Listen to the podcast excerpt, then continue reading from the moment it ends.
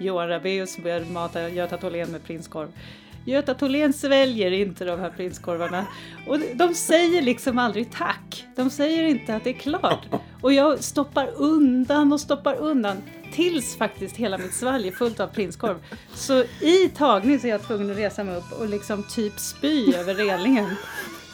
I rosa klänning. Nej men det var hemskt. Fy. Ja men hej! Tjena, vad kul och eh, välkommen till min nya podcast som heter Bastusnack. Eh, jag heter alltså David Granditsky och jag är inte journalist alls eller ens någon form av mediaprofil utan jag är bara en gammal trummis från Uppsala som eh, har sadlat om eh, för ja, drygt 30 år sedan faktiskt och har jobbat som ljudtekniker i alla möjliga sammanhang eh, på teatrar och showkrogar och turnéer. Eh, och under den tiden har jag ju då eh, sprungit på en massa roliga, intressanta, sköna, kända och okända människor. Och då tänkte jag att varför inte bjuda in de här personerna, inte alla på en gång men en och en, eh, hem till min lilla bastu. Och sen så kan vi sitta där och hänga och snacka lite skit eh, och lite minnen och anekdoter och eh, politik och musik och livsåskådning eller vad tusan som kan tänkas komma upp. Och sen kanske andra människor tycker det är intressant och roligt att lyssna på. Vad vet jag? Det här är ju första gången. Så att eh, välkommen ska ni vara till själva pilotpodden på det här som kan bli en podd som sträcker sig långt framöver med massor och massor av intressanta och roliga människor. Eller inte alls, det kanske blir platt fall, så kanske vi inte gör något mer. Hur som helst, denna lilla pilotpodd eh, så gästas jag av ingen mindre än Hanna Vangård en fantastisk kvinna som jag har känt i många, många år som gör i princip, ah, ja, jag vet ingen som gör så mycket som hon. Jag förstår inte hur hon orkar med. Hon har små barn hemma samtidigt som hon sjunger med folk och turnerar och gör webbsidor och pluggar på universitet och gör många andra saker också. Men eh, det är väl lika bra att vi drar igång direkt så får ni höra vad hon har att säga. Eh, vi börjar med en liten eh, smygreklamsnutt för eh, Pax våtrumsfläktar som eh, Eh, ja, det var ett ämne som bara kom upp eftersom att den var där när vi satt där och eh, ja, ja skitsamma. Eh, jo, jag ska tillägga att om ni tycker någonting om den här podden så kan man gå in på Facebook-sidan och titta. Det finns, det är bara att kolla på sök på Bastusnack på Facebook eller gå in på en hemsida som heter bastusnack.popfabriken.se eller skicka ett litet mejl till bastusnack popfabriken.se. Nu ska jag sluta tjata om detta och eh, vi går raskt vidare till intervjun med Hanna Vangård.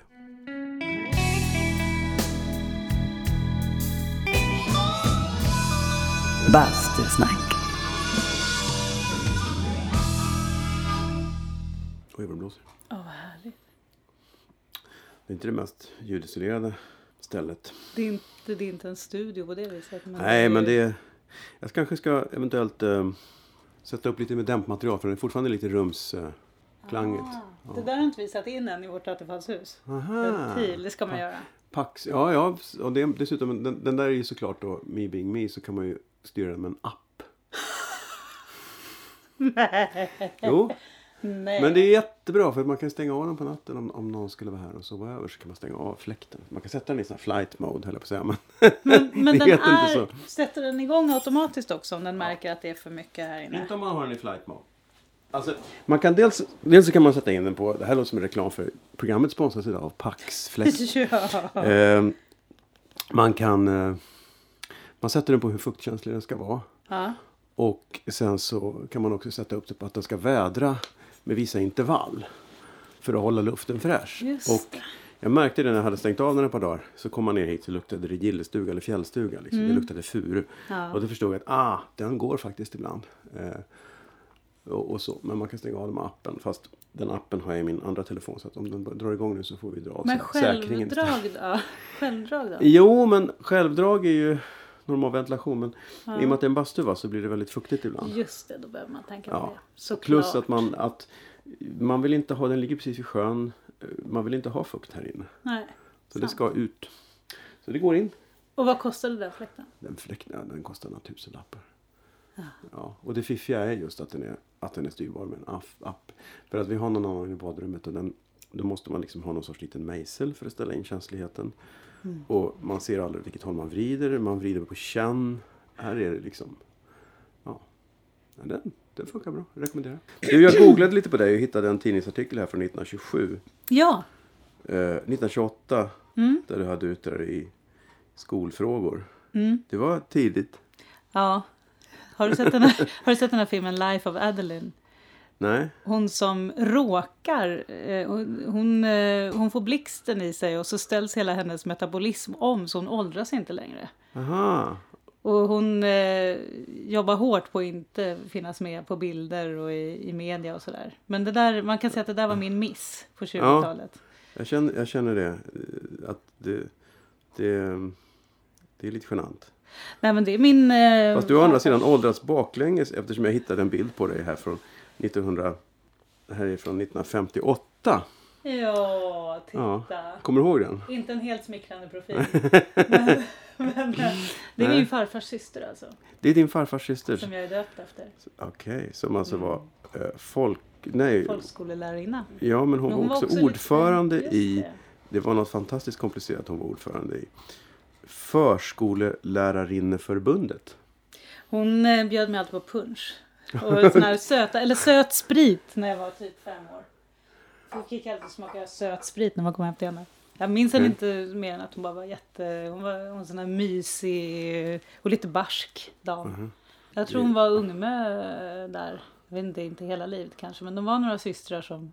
Ja, man får hoppas att det inte var så mycket sprit i förskolan. Trots att ordförande... Det Nej, kanske var representationssprit då. Ordföranden, alltså förskolelärarinne, det säger det på fyllan. Förskollärarinneförbundet Det är kanske hade mycket representation. De kanske hade det som mått att så länge de kunde säga förskollärarinnor i förbundet så var de ändå nyktra. Okej. Här, Gå ja. på den vita linjen och Ja. säg förskollärarinneförbundet. Jag tänkte på det, du spelar inte in den va? Jo, gör du? det är Gör du? Vad jag roligt. Ja men vad kul, är det här en podd? Vad kul, är det med en podd? Är En pilotpodd? Ja, jag också. Ja. Hanna, Annika, Malin. Eh, det var långt. Men eh, vi föredrar Hanna. Mm. Eh, Det går bra, det går bra. Du kan kalla mig Hanna. Jag kan kalla dig schysst, tack. Jag, jag har kommit fram till att du är, förutom ordförande i Förskollärarinneförbundet, Mm. webbdesigner, sångerska och hållbarhetsföreläsare. Snart, eh, alltså soon to be hållbarhetsföreläsare. Ja, Eh, Det är också ett, ett nykterhetstest. Hållbarhetsföreläsare. ja. Ja, nej, men så det, det, det kommer jag att bli eh, om en månad när jag hållit min första hållbarhetsföreläsning. Men än så länge endast sångerska och webbdesigner och eh, ångestladdad eh, uppladdare av eh, föreläsningsmaterial. okej. Förstår. Eh, men du, jag blev lite förvånad här när jag googlade upp dig. Jag googlar alla jämt. Ja, vad roligt. Eh, att du är född i Nacka. Jag trodde du var, kom från Bromma. Ah, ja, alla dessa missförstånd. Ja. och då har vi ändå känt varandra ett tag. Ja, Nej, men jag är inte född i Nacka. Jag är född på Allmänna BB i Liljanskogen som det låg där någonstans. Men däremot så min första adress var i Nacka. mhm. Och det är min mamma som bodde i Bromma. okej. Ja, Så hon är ju Brommabo där från början. Men eh, jag började ett och ett halvt år i Nacka innan jag blev eh, Täbybo. Täby. Okej, just det. Och då, då började karriären med handboll. Eller Ja, var det oh så? ja, oh ja, tidigt. Nej, men den började när jag var tio år. Och den var, den var verkligen intensiv. Den skulle jag kunna berätta länge om, men det ska jag inte. Men jag, jag gick all in kan man säga. Så jag var ju liksom tränare för två lag. Jag var med i tre olika åldersgrupper själv och spelade matcher. Och jag dömde handboll runt Stockholm och jag satt funktionär på matcher också. Eh, Så att jag, det stack iväg kan man säga. Men du hade det, hade du det hemifrån eller var det något du kom på själv? Det kom jag på för att en kompis gick på en träning och frågade om jag ville följa med. Eh, vi, man kan inte säga att vi är jättesportiga hemifrån. Eh, Min pappa har en teori om att om man är i riktigt bra skick när man är gammal, det är då man hamnar sådär länge i en sjukhussäng till slut. kroppen, vägrar ge upp. Ja, jag Så förstår. eh, han försöker att motionera så lite som möjligt. Men min mamma var lite sportigare när hon var ung, så det kanske är från henne jag fick det. Ja, ja, för annars är ju de, eh, vad ska man säga, kulturmedia-människor. Mm, båda tv-hållet träffades tidigt på SVT 50-tal. Ah, När det knappt fanns. när det nästan var radiotjänst. Och så träffades de där och, och sen så fortsatte min pappa hade ett eget filmbolag i ur och skur kan man säga. Han är väldigt stolt över att han har samma organisationsnummer fortfarande. Eller nu har han gett vidare till min bror som också är i samma bransch. Ja, just det. Och min mamma Så var han har ärvt organisationsnumret. Japp, Det är ju vackert. ja, det, Okej. ja, det är fint. Det är, det är faktiskt, jag ska tänka på det. Den dagen jag inte orkar längre så ska mina, mina barn få ärva mitt organisationsnummer. Precis, ingen press. Men Nej, här känner- har ni en ingen press. Just det, just det. Men han är, men han är fotograf va? Eh, vem av dem? Eller Min pappa? Din pappa? Mm, han Ja. är filmare och fotograf och, och ja, företagsledare var han ett tag också. Men nu är han glad pensionär. Eller? Jobbar Nej, han? nej han, nu, just nu så driver han lokaljournalisten.se. Han är Mm. helt, vilket jag håller med honom om, han är helt inne på att eh, demokrati är att bevaka politiker på alla nivåer. Och att det måste finnas eh, aktiva journalister som bevakar dem även lokalt. Mm, Så vi vet vad som händer, så vi alla andra kan få reda på vad de gör. just det. Men han är, på, han är inte fake news Täby utan han är... Vem vet vad det är nu för tiden? Okej. Nej, och Sollentuna är det han håller till i Sollentuna, också. okej. Mm. Och, men då är det en slump att din mamma bor på andra sidan stan? De är skilda om det är det du menar? Ja. Ja, nej men alltså, nej det är ingen slump. eh, För det, det valdes, det var min morfar som valde att ha ett sommarhus utanför Saltis. Så där hamnade mamma. I det sommarhuset. Men hon, hon var också på SVT. Hon, var, hon jobbade hon som var producent va? Eller var hon... Mm, hon var eh, tv-producent på barnredaktionen i många år. Och jobbade tidigt med Staffan Westerberg. Så hon är del i konspirationen? Hon är absolut en del av konspirationen och jag, eh, jag är uppvuxen med Staffan Westerberg kan man säga. Nu tillhör jag de som gillar Staffan Westerberg. Jag vet. Jag, jag har ju faktiskt till och med fått äran att jobba med honom på det glada mm, 80-talet var det väl. Då, då, mm, ja, det kan säga kling, det är ingen fara. Här kör vi. med mig själv Ja, här. för tusan. Det är, det är bra. I sån folkskolelärarinna-anda. Ja, Eh, precis. mm. Slupskjulsbacken. Ja, jag kan säga det fortfarande. Ja, nej, men han gjorde, han, han, han gjorde kläder till en föreställning som jag jobbade med på, på Unga Riks som han även hade skrivit. Och då fick jag träffa min gamla idol. Det var fantastiskt roligt. Gjorde. Staffan Westerberg kläder? Ja, nej, förlåt. Han gjorde Dockor? scen- scenografi. Gjorde han. Nej, nej, det här var ju alltså, det var inga dockor med. Det var, Nej. det var en föreställning som hette Stjärnöga. Som handlade Ja. om någonting som jag inte kände till på den tiden. Nämligen vår inhemska rasism i Norrbotten. Alltså Mm. ehm, den här konflikten mellan samer och eh, så kallade svenskar. Mhm. Och hur samerna behandlades som skräp och sågs som ja, andra klassens medborgare. Och så. Och det var mycket intressant. Mhm. Det, Ja, det är det. Mm. det. Det finns ju till och med också historier om att eh, samer skulle definieras på olika sätt. Att eh, om de inte var renskötare och nomader så fick de inte kalla sig för samer längre. Mhm. Vilket gjorde också att de delades upp i bofasta och icke bofasta. Det finns en massa historier ja men det såg jag. De fick Mm. olika skolor också. Man satte de icke bofasta i skolor där de fick sova på taskiga, hårda sängar eftersom de ändå skulle bo i tält sen. Mm. Det var också en intressant. Men andra urfolk Tanke. gillar vi. Indianer och aboriginer. Mm. De är jättespännande att läsa böcker om. Men samerna de, de ska hålla sig Ja, på det plats. kanske har blivit bättre. Men eh, Ja, det är fortfarande... Eh, jo, de, alltså, det finns ju eh, samtal som Mm. pågår hela tiden och så. Men eh, apropå hållbarhet så har vi pratat ganska mycket om att det finns fortfarande skiljaktigheter. Men de lever väl ganska hållbart va? Alltså de som lever på klassiskt sätt. No, alltså som, nom- som, som nomadiserande renskötare så belastar man väl inte naturen nämnvärt? Eller? Nej, inte om du jämför med någon som flyger till Thailand och, och äter eh, sina goda måltider med röda stekar som är eh, fl- hitflugna från Brasilien varje dag. Det är klart att det är skillnad. Mm. Så, jag har inte exakta siffror på det. Jag måste hålla mig något Ja, exakt. försiktig. Nu har vi ju tyvärr ingen samehatare här idag som kan tala för sin sak. Men, Nej. men vi håller på dem i varje fall. Um, kom vi bort lite här från eh, Älgö var vi på. Från va? mig. Ja, från dig. Från mig. Precis, det handlar ju trots allt om dig. Ja. Du satt ju fast i sport och idrottsträsket. Hur ramlade Ja. du i musikträsket? Ja, men jag ska då? inte säga att jag gjorde det utan jag, jag, var, jag gillade att ha mycket att göra. Så att jag, parallellt med det här så provade jag också tennis och ridning höll jag på med där i sju år också. Samtidigt som jag också var med i körer och, och sjöng i mitt första band där någonstans vid 14, 13-14 års åldern. Mhm. Så, där, så det, jag pressade in det eh, tillsammans med allt det andra med handbollen. Och det, det gick. Det är ju fantastiskt. Men vad var det för band då? Hur kom du med det? Åh, det första tror jag kanske kan ha hetat Tears from a Lonely Tree. Eller något sånt där Fantastiskt. 80-talsprätt och härligt. Och det var... Förlaga till Weeping Willows. Ja men precis. Allt, allt har hämtats från Tears from a Lonely Tree. Nej men det var, det var liksom killarna i kvarteret i Täby och det var i skolan och vi var med i någon talangjakt i åttan där. Och... Jaha. Jag minns det knappt. Hur gick det då, talangjakten? Gick det bra? Minns inte det heller.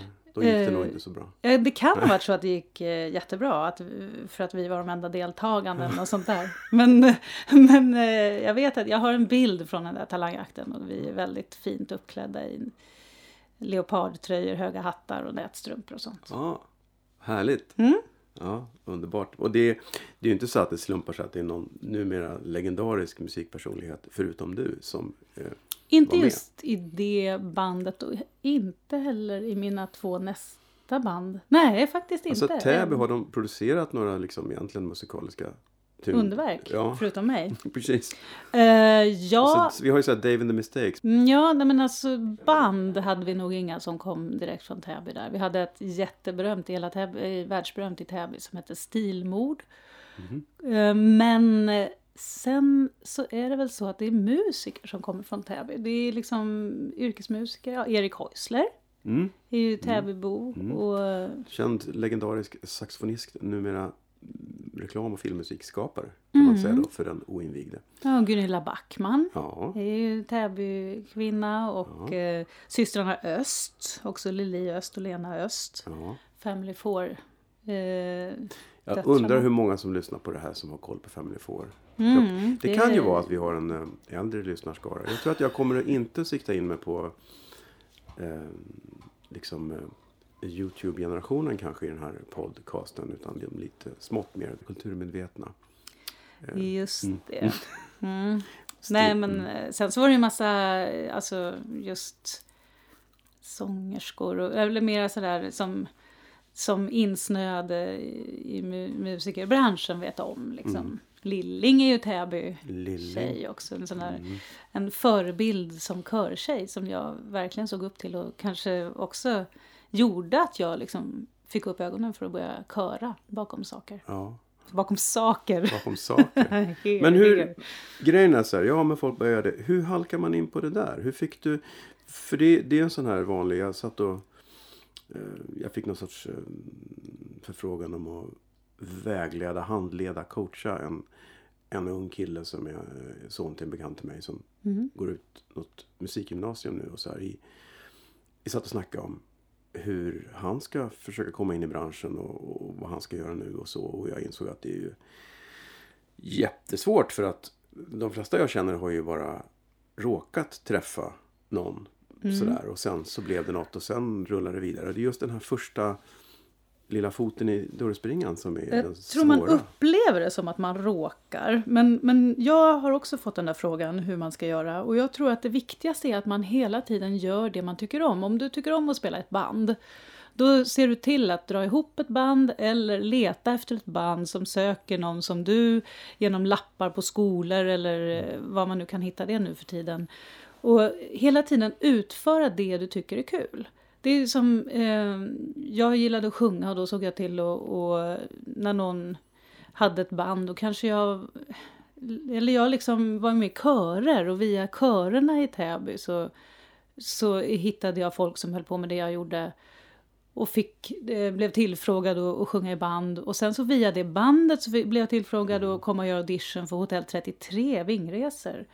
Och, vi, och då var det någon som hörde mig där som frågade vill du köra med den grejen och hoppa in där. Och så, och så var liksom snurren Så du igång. fick alltså inte det här Klubb 33, det hette Hotell 33? Hotell 33, Hotell Det, var, det var en viss skillnad. Men du, men du, du eh, fick inte det jobbet då, men det, den gången, den auditionen kanske, utan att det ledde, eller? Jo, Nej, jo du faktiskt så det. fick jag det på audition. Jag Ja. fick inte jättehöga poäng på, på sången. Nej, jag okej. fick det ändå. Ja, det var intressant.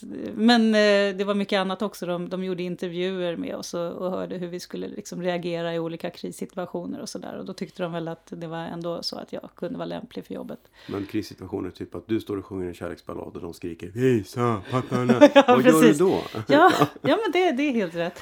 Eller det var väl inte rätt att göra, men alltså, det var en sån intervju. Men det kunde också vara en fråga som till exempel du, eh, det kommer en gäst som blöder. Eh, Det kanske till och med är så att du ställs inför en så jobbig situation att en, en gäst är död. Vad gör du? Eh, och hur tror du att du reagerar? Man går direkt till extranumren.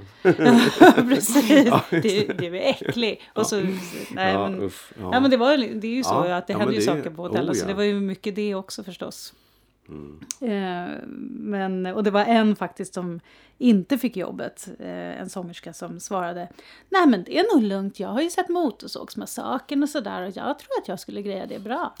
Ja, jag sa intervjuaren, men, men på riktigt, på allvar, vad, vad skulle du göra? Och så sa hon, nej men alltså jag har sett värre filmer än så också så jag tror nog att det är lugnt. Så, Mm. Och hon fick inte jobbet. Nej, det, det kanske vi ska vara glada för. Men hon hade högre poäng på sången än jag. men hon kanske är väldigt framgångsrik sångerska idag. Hon blev det. Hon blev det. Mm. Åh! Åh, vad är uttrycket jag letar efter? Eh, säga, det handlar om att man säger en bokstav och sen ska man säga en annan bokstav. Ja, just det, precis. Ja, nej, det... Okej, your lips are sealed. Inga Ja, det här det är tyvärr podden. Ja, tyvärr Ja, på det- den. Ja. Fasiken, här kunde vi fått en, en rubrik. Mm. Här kunde man fått en, ja ja. Jaha, det var inte Ola, nej. Nej, okej. Nej, det var inte. Det var inte det, nej. Trist, okej. Vem kan det ha varit? Skitsamma, vi skiter i det. Men du fick, okej, men du träffade folk och så. Och sen, men vad, vad var första då liksom, första gången som du faktiskt fick betalt för att, att sjunga? Det måste ha varit med eh, Brända tentor, Oj, tror jag. Ja, det var BT Band, hette vi. Vi eh, spelade mycket på Tekniska högskolans tentafester. Aha. På eh, Skutt, heter det väl kanske. ja. det. Och eh, där, där fick vi faktiskt gage. jag har för mig att det var... Sen gjorde jag ju, jag gjorde ju små statistgrejer innan och var med i någon film och sådär. Och det fick jag betalt för också, men inom musiken måste det nästan Ja, men du var med i. Amorosa. Ja, det kan man faktiskt googla Faktiskt. fram. jag var Göta Tholén, jag var dotter till Inga Gill och Gösta Krantz. Ja. Och skulle spela kär i Johan Rabaeus. Oj, Och jag var 16 år. Och Ja, då, apropå visa pattarna, så sa de att Göta Tholén ska faktiskt visa pattarna. Och då sa jag nej, då vill inte jag vara Göta Tholén. Så då så fick de, även om Maj Zetterling då som var regissör, hon, Ja. hon jaha, det var du som inte ville blotta dig.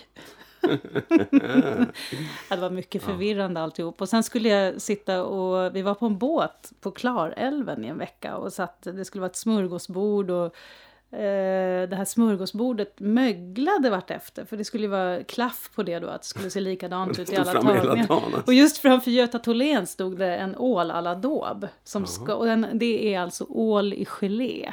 Med ett ålhuvud ovanpå.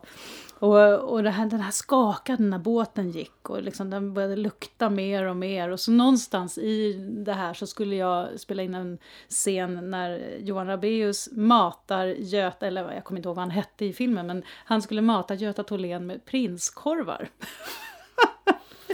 Okej, det här Åh, låter... det här, ja, men det här är hemsk historia. Fy, jag har så många sådana här. Och, och han Men du är börjar... alltså hur gammal här? 16? Ja, här är jag 16 år. Ja. Känslig ålder. Det finns ju 16-åringar som är mycket mer säkra på sig själva och mogna än Mm. vad jag var då. Men jag hade fått för mig att det är inte så snyggt att svälja i bild. jag tänkte det här kan ju inte vara en så lång scen, tänkte jag. Du hade inte läst manus? eh, ja, det stod bara Göta äter prinskorv. Hur lång tid kan de ta på det tänkte jag. Exakt. Okej, tagning. Johan Rabaeus börjar mata Göta Tholén med prinskorv. Göta Tholén sväljer inte de här prinskorvarna. Och de säger liksom aldrig tack. De säger inte att det är klart. Och jag stoppar undan och stoppar undan. Tills faktiskt hela mitt svalg är fullt av prinskorv. Så i tagning så är jag tvungen att resa mig upp och liksom typ spy över relingen.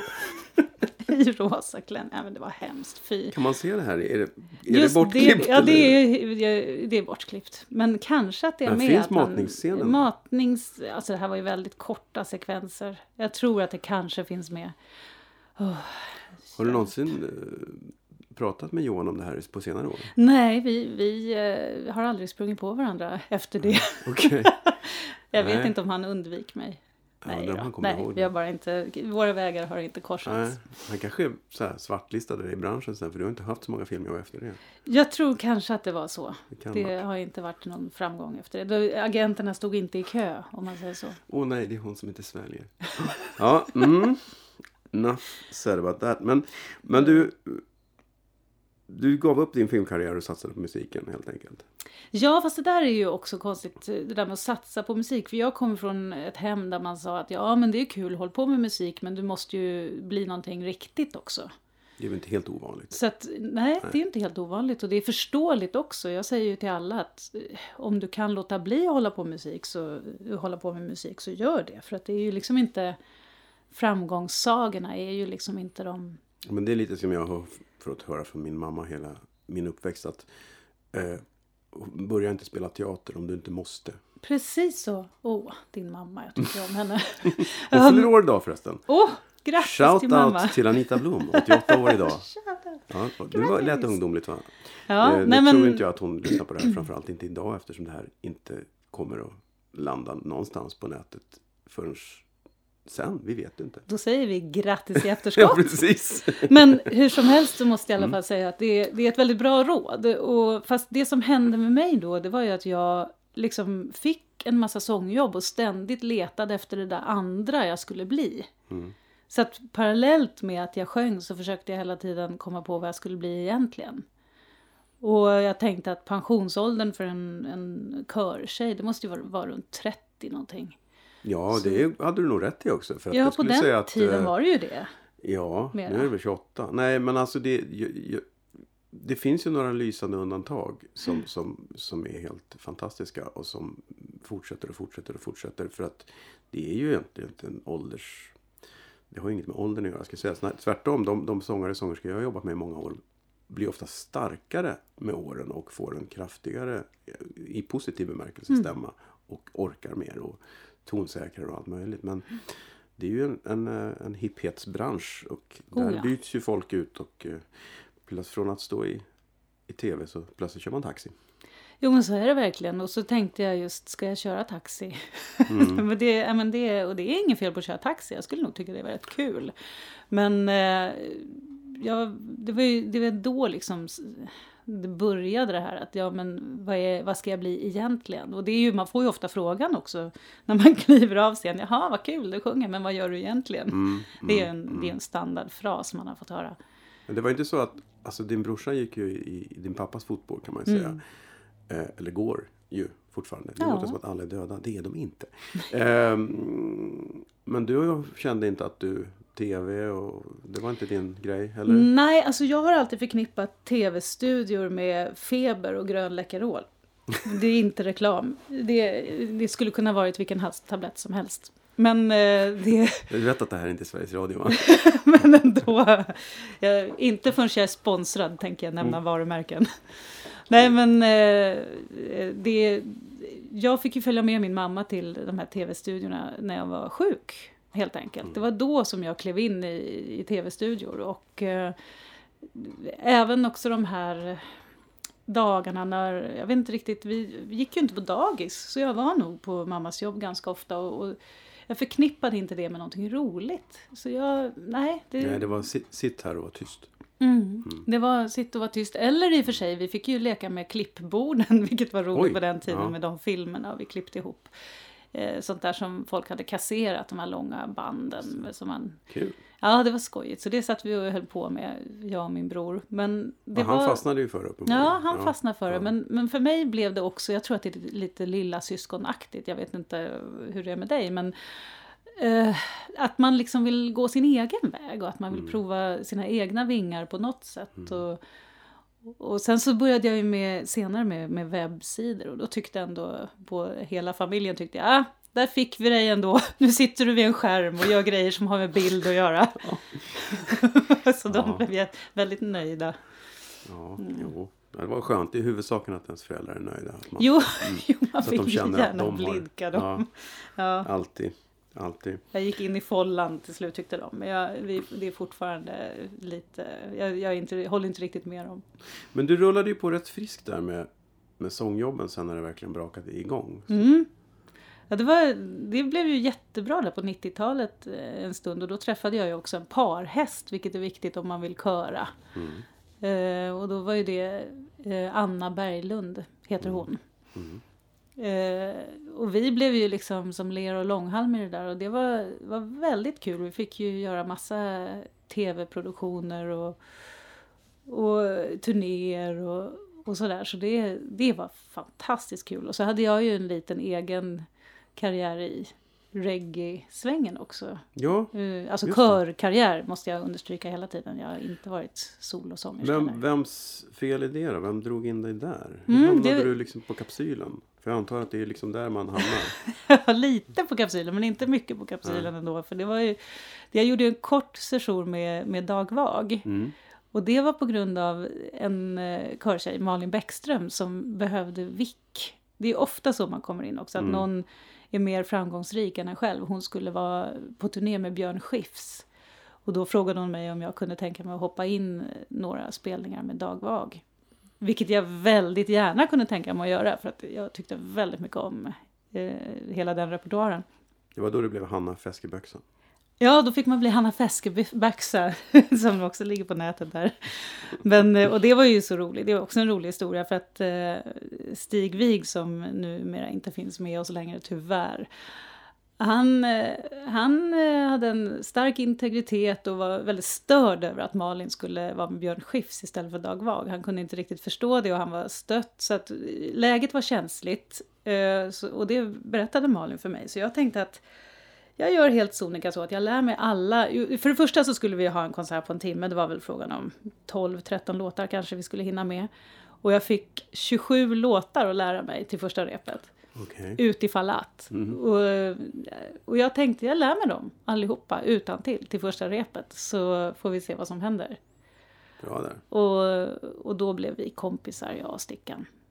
Men, men Stickan som, som du säger hade ju en otrolig integritet och var ju ingen lätt man i alla lägen. Jag är väldigt impad att du kom så nära honom. Alltså det, det mm, eller impad, hur ska man säga? Jag, Jo, men var det? Ja, var det? nej, men det- nej, jag förstår vad du menar. Men det, det, var, det var speciellt för att jag kommer ihåg just det här repet när jag tror det var under Per i Hagen eller någonting som eh, nu minns jag ju inte exakt turerna, men det var ju ibland skulle man sjunga vadå, vadå?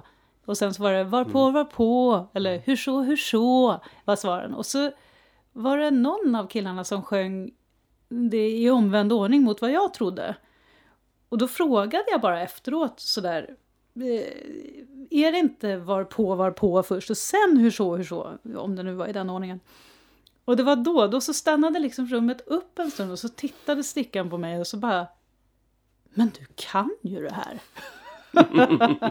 och det var liksom ett sånt där moment som jag kände, där, ja. där satt den liksom. Och, och faktum är att, att de här eh, konstnärerna som är lite eh, personliga och speciella eh, kan ha en sån direktväg in till sitt hjärta. Och jag har ju jobbat med en annan, i en helt annan bransch, en, en eh, väldigt speciell person, nämligen också som är död idag, Björn Axén. Mm.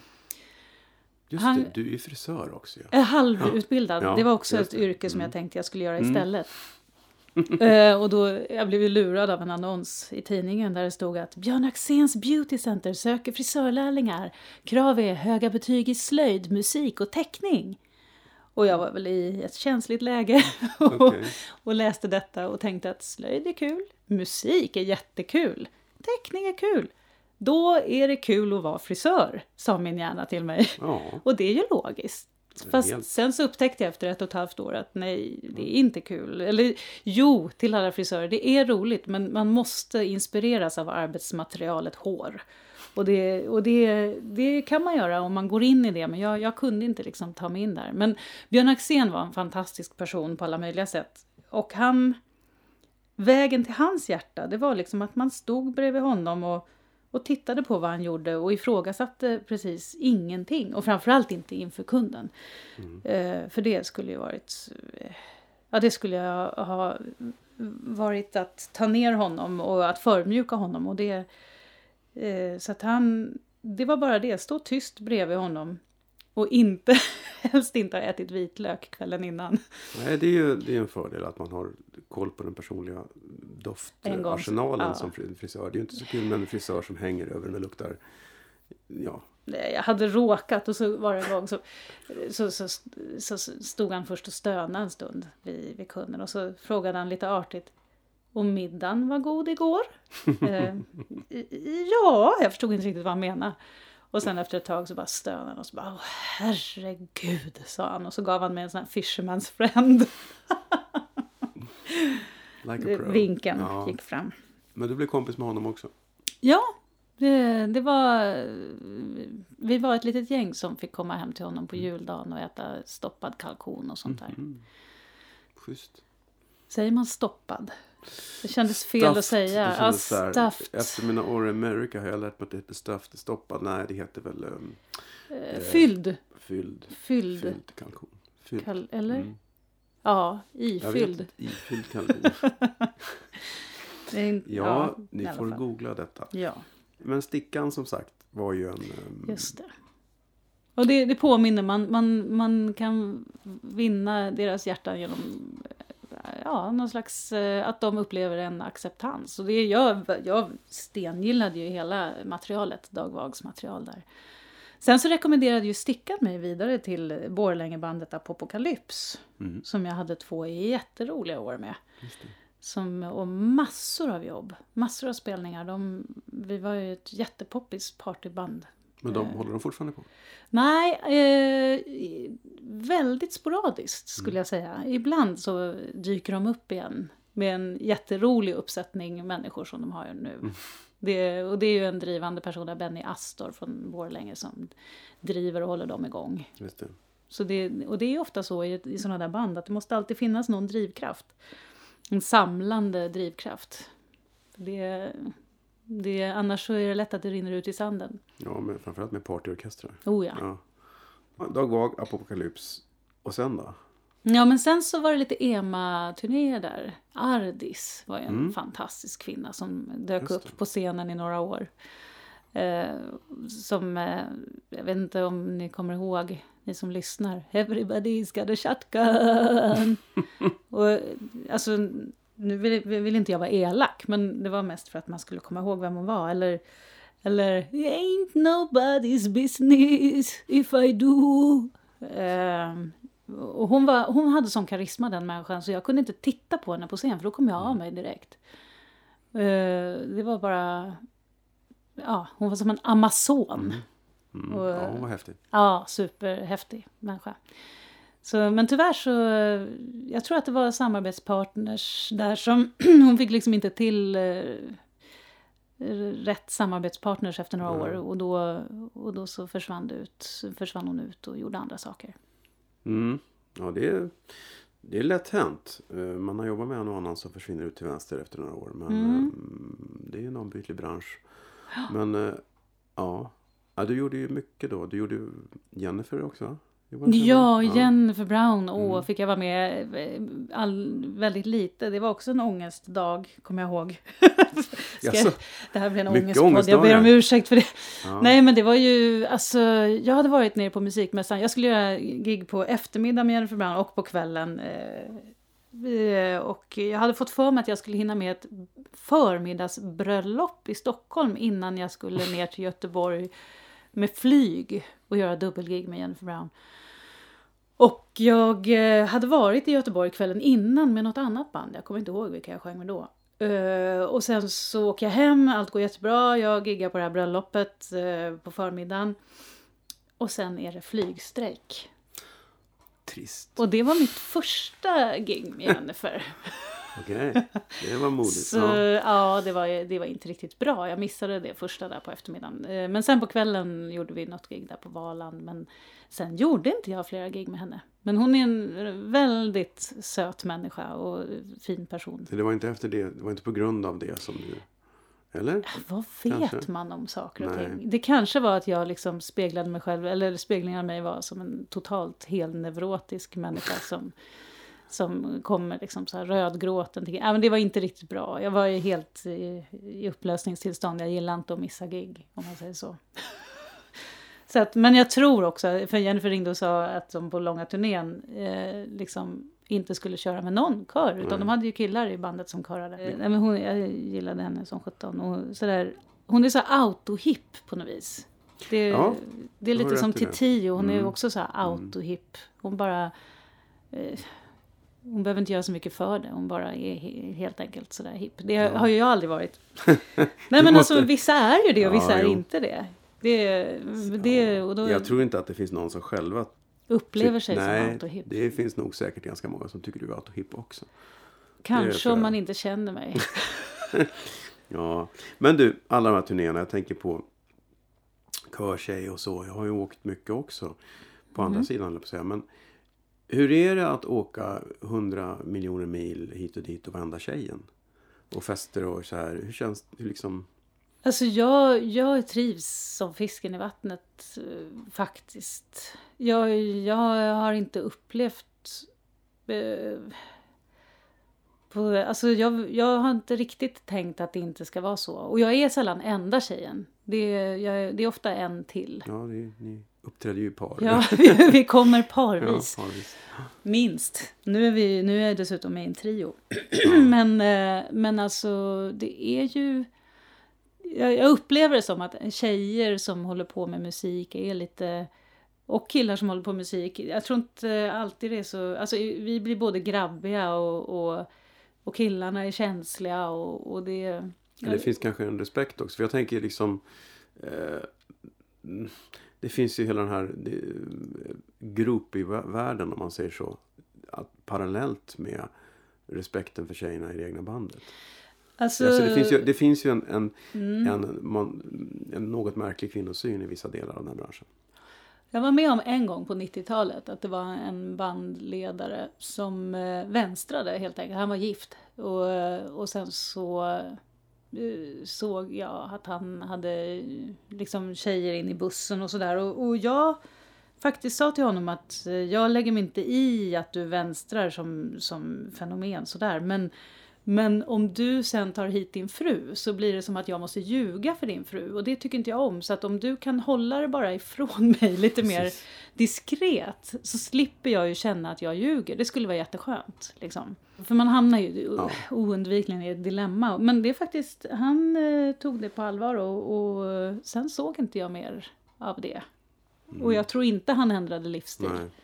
Utan, och det, det var jag otroligt tacksam för. För att det där, det är inget kul att behöva känna att man ljuger för folk när de kommer till turnén. Utan man vill kunna vara helt öppen och ärlig med det. Men det här är ju, det här är som sagt det är länge sedan och de är skilda för länge sedan.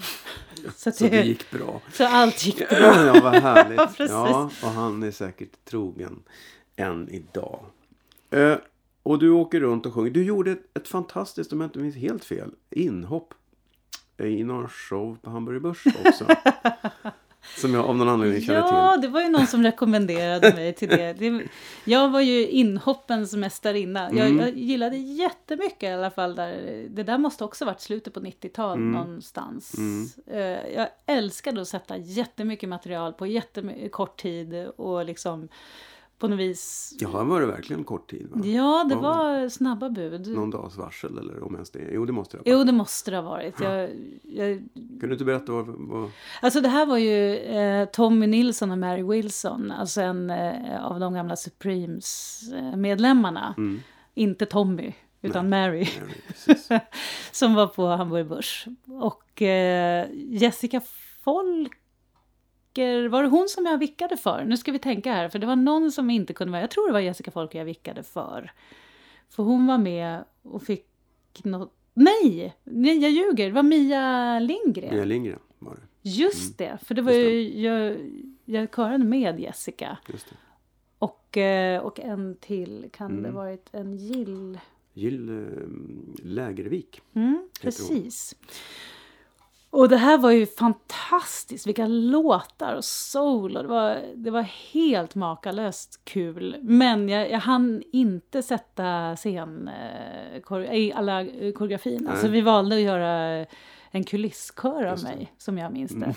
För att det var, och det, det där gillade jag, för att det är ofta som, som man som körtjej upplever det omvända. Att det är viktigare att man ser ut än att man låter. Mm. Men när jag fick det giget då var det, det superviktigt att jag sätter stämmorna och Mm. är sektionsmusikern och står i kulisserna och sjunger Mm. igenom det här snorbra och jätterätt. Eh, och så är det inte så viktigt att det inte är en tredje på scen. Mm. Så det var verkligen, det var, för mig var det sådär en bekräftelse av yrkesrollen som man sällan får. Mm. Utan man syns ofta och så är man, jag ska inte säga ofta nermixad, men eh, jo. det finns de, alltså nu är ju du också ljudtekniker, men, men eh, jag pratar inte om dig, men det finns många som Alltså det, under 90-talet så eh, i Apocalypse, bandledaren där, han, Benny Astor, han fick ju gå till ljudteknikern och säga hej, vi är ett sånt band, han kom från Dalarna då, eh, och vi vill att körtjejerna ska höras. Så att mixa upp dem är det så.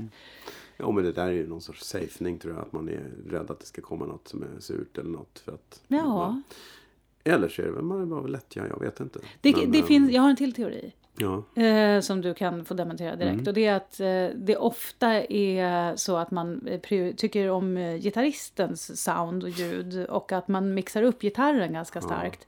Och att det eh, krockar med frekvenserna som körtjejerna har. kan inte omöjligt. Det kan också vara att de gitarristen höjer sin gitarr själv. Ja.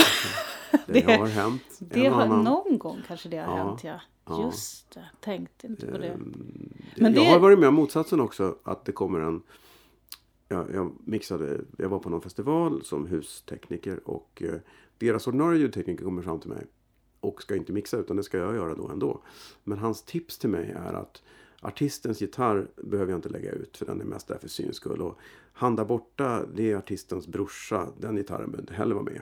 Och sen den här, det var inte så himla mycket som, det var ganska roligt att man, det var produktionens officiella direktiv. Liksom, att det, var inget, det var inget man hymlar med. Nej, nej, men det behövs inte. Det, eh, det är ju alltid roligt. Ja, men sen så har jag ju en annan teori om gitarristerna också. Det är ju det, varför de skruvar upp, det är ju för att de inte har eh, öron på vaderna. Nej, exakt. Alltså ärligt, Mm. nästa inkarnation av gitarrister måste ju få öron på benen. För Ja. stärkarna spelar ju till knäna på dem. Ja, men eh, om vi nu ska halka in på naturvetenskapen här så är Ja. möjligheten, Hit eh, chansen att, att det ska uppstå mutationer med öron på benen och att de skulle få eh, ren, alltså så att säga fördelar rent biologiskt mot de Ja, jag tror ju inte att det kommer att utvecklas i de närmsta Nej, sen 150 vet man ju heller, nej du har helt rätt och det finns en till sak jag inte heller har tagit med i beräkningarna och det är att det inte är säkert att deras avkommor kommer spela gitarr. Nej, Och vad ska de med öronen där nere då Precis. till liksom? Det är ju helt värdelöst faktiskt. Ja. Frågan om de vill ha öronen där nere, för där nere är det ju så vasst och otäckt. Det är därför de inte vinklar upp sina gitarrförstärkare. Nu har vi återigen ingen gitarrist här som kan försvara sig. Så vi, jag tror att vi släpper Förlåt, ämnet förlåt innan alla eh, gitarrister. Ni spelar fantastiskt. Ola Gustafsson går loss på Facebook. Eh, och det kanske han gör ändå. Eh, inget fel på Ola Gustafsson, men han är gitarrist. Och han går loss ibland. Eh, vi halkar ju in på alla karriärer står ju på topp någon gång och sen ska de falla ner pladask. Och då tänkte jag att eh, det är ju väldigt lämpligt att nu komma till nästa punkt som är pinsamma demon. Det är nu den kommer ja. Det är nu och det är nu, jag ska bara njuta av mitt ögonblick på Ja. min karriärstopp en liten stund Ja. innan den nu kommer att falla pladask. Ja, precis. Vad roligt att du kom till den program Jag kom till den programpunkten. Jag visste inte om det själv, men jag gjorde det. Ja, För du det- har tagit med dig en, en, en demo här som heter You Lost. Mm. Är det en demo? Eller är det en, en Det är så här, jag, jag ehm, eh, gjorde en massa låtar själv hemma eh, på kammaren och eh, satt och spelade in dem i en liten demostudio som jag hade. Och det här upptäckte jag ganska snart var enbart för eh, mina öron. Att det var lite som en dagboksanteckning. För att det här, det är... Du frågade mig om jag hade någon pinsam demo. Och varför jag anser att den är pinsam, det är eh, att man brukar ju säga att eh, man ska skilja på att vara personlig och privat. Och eh, det här är något privat och inte bara det här fina konstnärliga personliga. Och det, det är, jag har känslan av den här låten eh, som jag tror alla känner igen när man skriver ett mejl i affekt och trycker på sänd innan man har lugnat sig. Mm.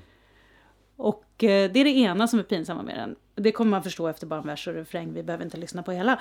Men eh, ehm, det, det var även så att jag, jag hade lånat en stålsträngad gitarr. Jag är inte så bra gitarrist.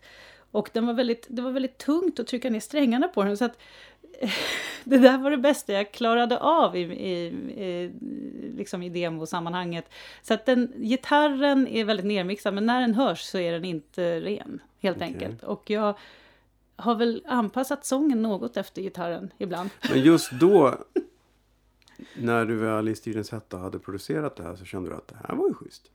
Absolut, och, och jag kan ju fortfarande lyssna på den och tycka att det är en bra låt. Nu idag skulle jag speedat upp den lite sådär. Man, man tänker massa saker, men, men låten är okej tycker jag.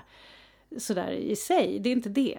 Det är det att eh, det är, det är skämskudde på den av helt andra anledningar. Så att, Okej. eh, Skämskudden, det är en otroligt bra titel på det här programinslaget. Det har blivit dags för Skämskudden. Herregud vad pinsamt. Skämskudden. Nej, inte den där gamla demon. Du, ja, dags för dagens skämskudde som heter You Lost med Hanna Wangård från 1900 antar jag. 1900-tal är eh, definitivt, det är gränsfall. Det kan vara 2001 också. Ja, men det är 2000, 2001 någonstans. bäst före datum har passerat. Ja. Mm, vi kör och ser vad som händer.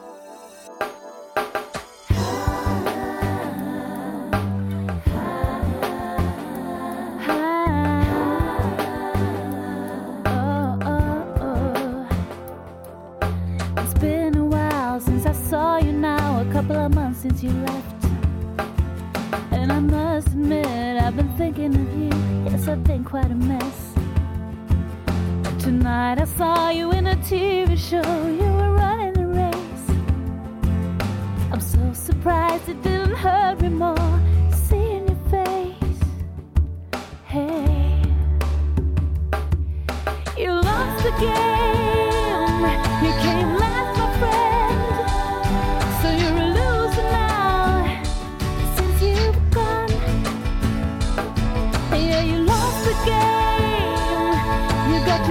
To blame.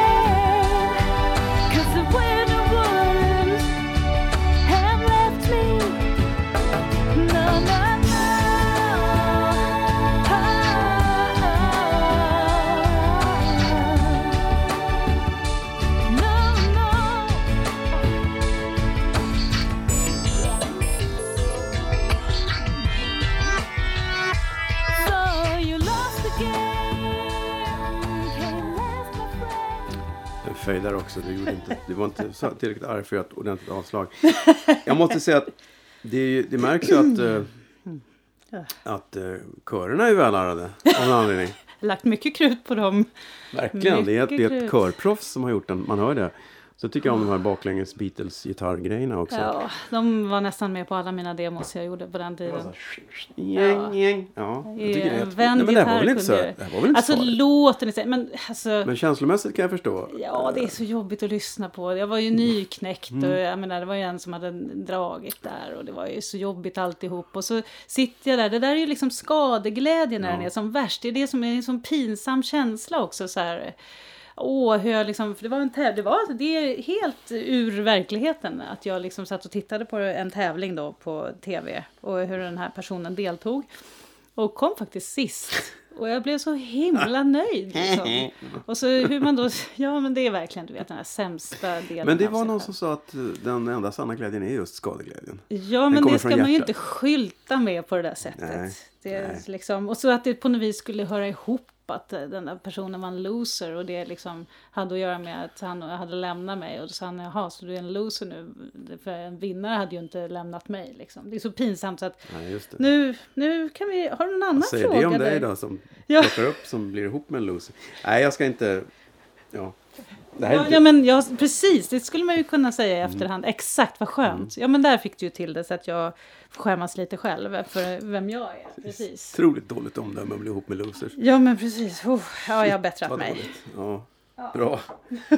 Nu är du ihop med vinnare. Det är bra. Jajamän. Ja. Du, eh, jag tyckte det var mycket intressant att höra. Eh, Jag förstår det. Det är för nytillkomna lyssnare, så det, eller ja, för alla lyssnare, så, eller för du som lyssnar, så är det i alla fall så att David och jag har känt varandra väldigt länge och eh, som jag sa till honom innan, när han fick den här låten, så är det inte många människor på hela jorden som har hört den här innan. ja, men snart är det. Ja, förhoppningsvis Det går det ju ju bra så för många din... följare. eh, Ja, oj, oj, oj. Alltså, I skrivande stund eh, så har jag en följare och det är Ja, jag det är som jag sa. Inte ens du följer mig. Men jag tror inte du har fått adressen. Min sambo jag- kommer vilja lyssna sen. Alltså. ja, han ska få... Ja, Ja, så då har du två. han som inte är en loser. Precis. Precis. Min Men, men eh, jag kom på det. Saker man inte kan säga i en podd. Mm. För nytillkomna lyssnare. Liksom, Ah. Vem laddar ner en podd och börjar på mitten? Bra. Det går ju inte. Bra. Det, det, och så kan man aldrig göra så här. Och nu ska vi se hur står det till i trafiken. Nej, just det. Det går ju För det inte har ju förstås. redan hänt. Just det. Ja. Apropå det, min fru. Hon hävdar att du, vilket jag även håller med om själv, men det var hon som tog upp det. Du, din röst är mycket lik hon den här tjejen på Radio Stockholm. Vad intressant. Vad hon nu heter. Som brukar köra på förmiddagarna. Um, Jag vet inte. Pinsamt. Men, men ni har väldigt lika röster. Vad kul. Och, och alltså, efter det hon har sagt det så har jag då och då tänkt oj, det är Hanna på radion. Vad roligt. För, för det är nämligen så att jag får ofta höra att jag är lik någon utseendemässigt. Men jag har inte fått höra att jag är lik någon sådär på rösten tidigare på det sättet. Så Oh. det, det var roligt att höra. Jag tycker om att vara lik folk. För det på något vis gör mig till en av alla. Och det tycker jag om, den känslan. Det är klart att man skulle kunna hävda att man inte är unik. Men det, det är inget problem för mig att inte vara. Nej, Det, det, det var tycker jag om. fantastiskt storsint sagt måste jag säga. Ja. Sen, sen har jag ju fått, jag blivit smickrad. Det var någon som, eh, eller det är ganska många som eh, när jag var lite yngre tyckte att jag såg ut som den här lite hästlika kvinnan Kylie Minogue. Hon är ju väldigt söt, en väldigt söt häst. Men hon är ju fortfarande lite hästig det har jag sådär. aldrig tänkt på. Nej, nej men det, det var någon som sa, eller det är flera som har sagt och det tycker jag är roligt att höra. Jaha. Okej. Tänk, vad lik du är Kylie Minogue. Ja. Ja, men det Mm. kan hända.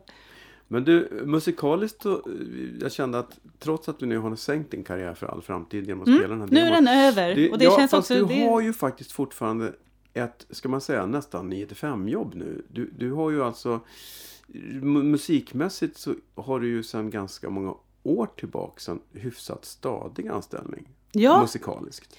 Det stämmer faktiskt. Vem hade kunnat tro det efter 30? Nej, att karriären Precis. fortsatte. Det var det, ju... Jag tycker det är jättehäftigt att du plötsligt, hur ramlade du in där och blev en av eh, vocalettes? Ja, alltså det är ju då trion som körar eh, ofta tillsammans och bakom eh, Robert Wells.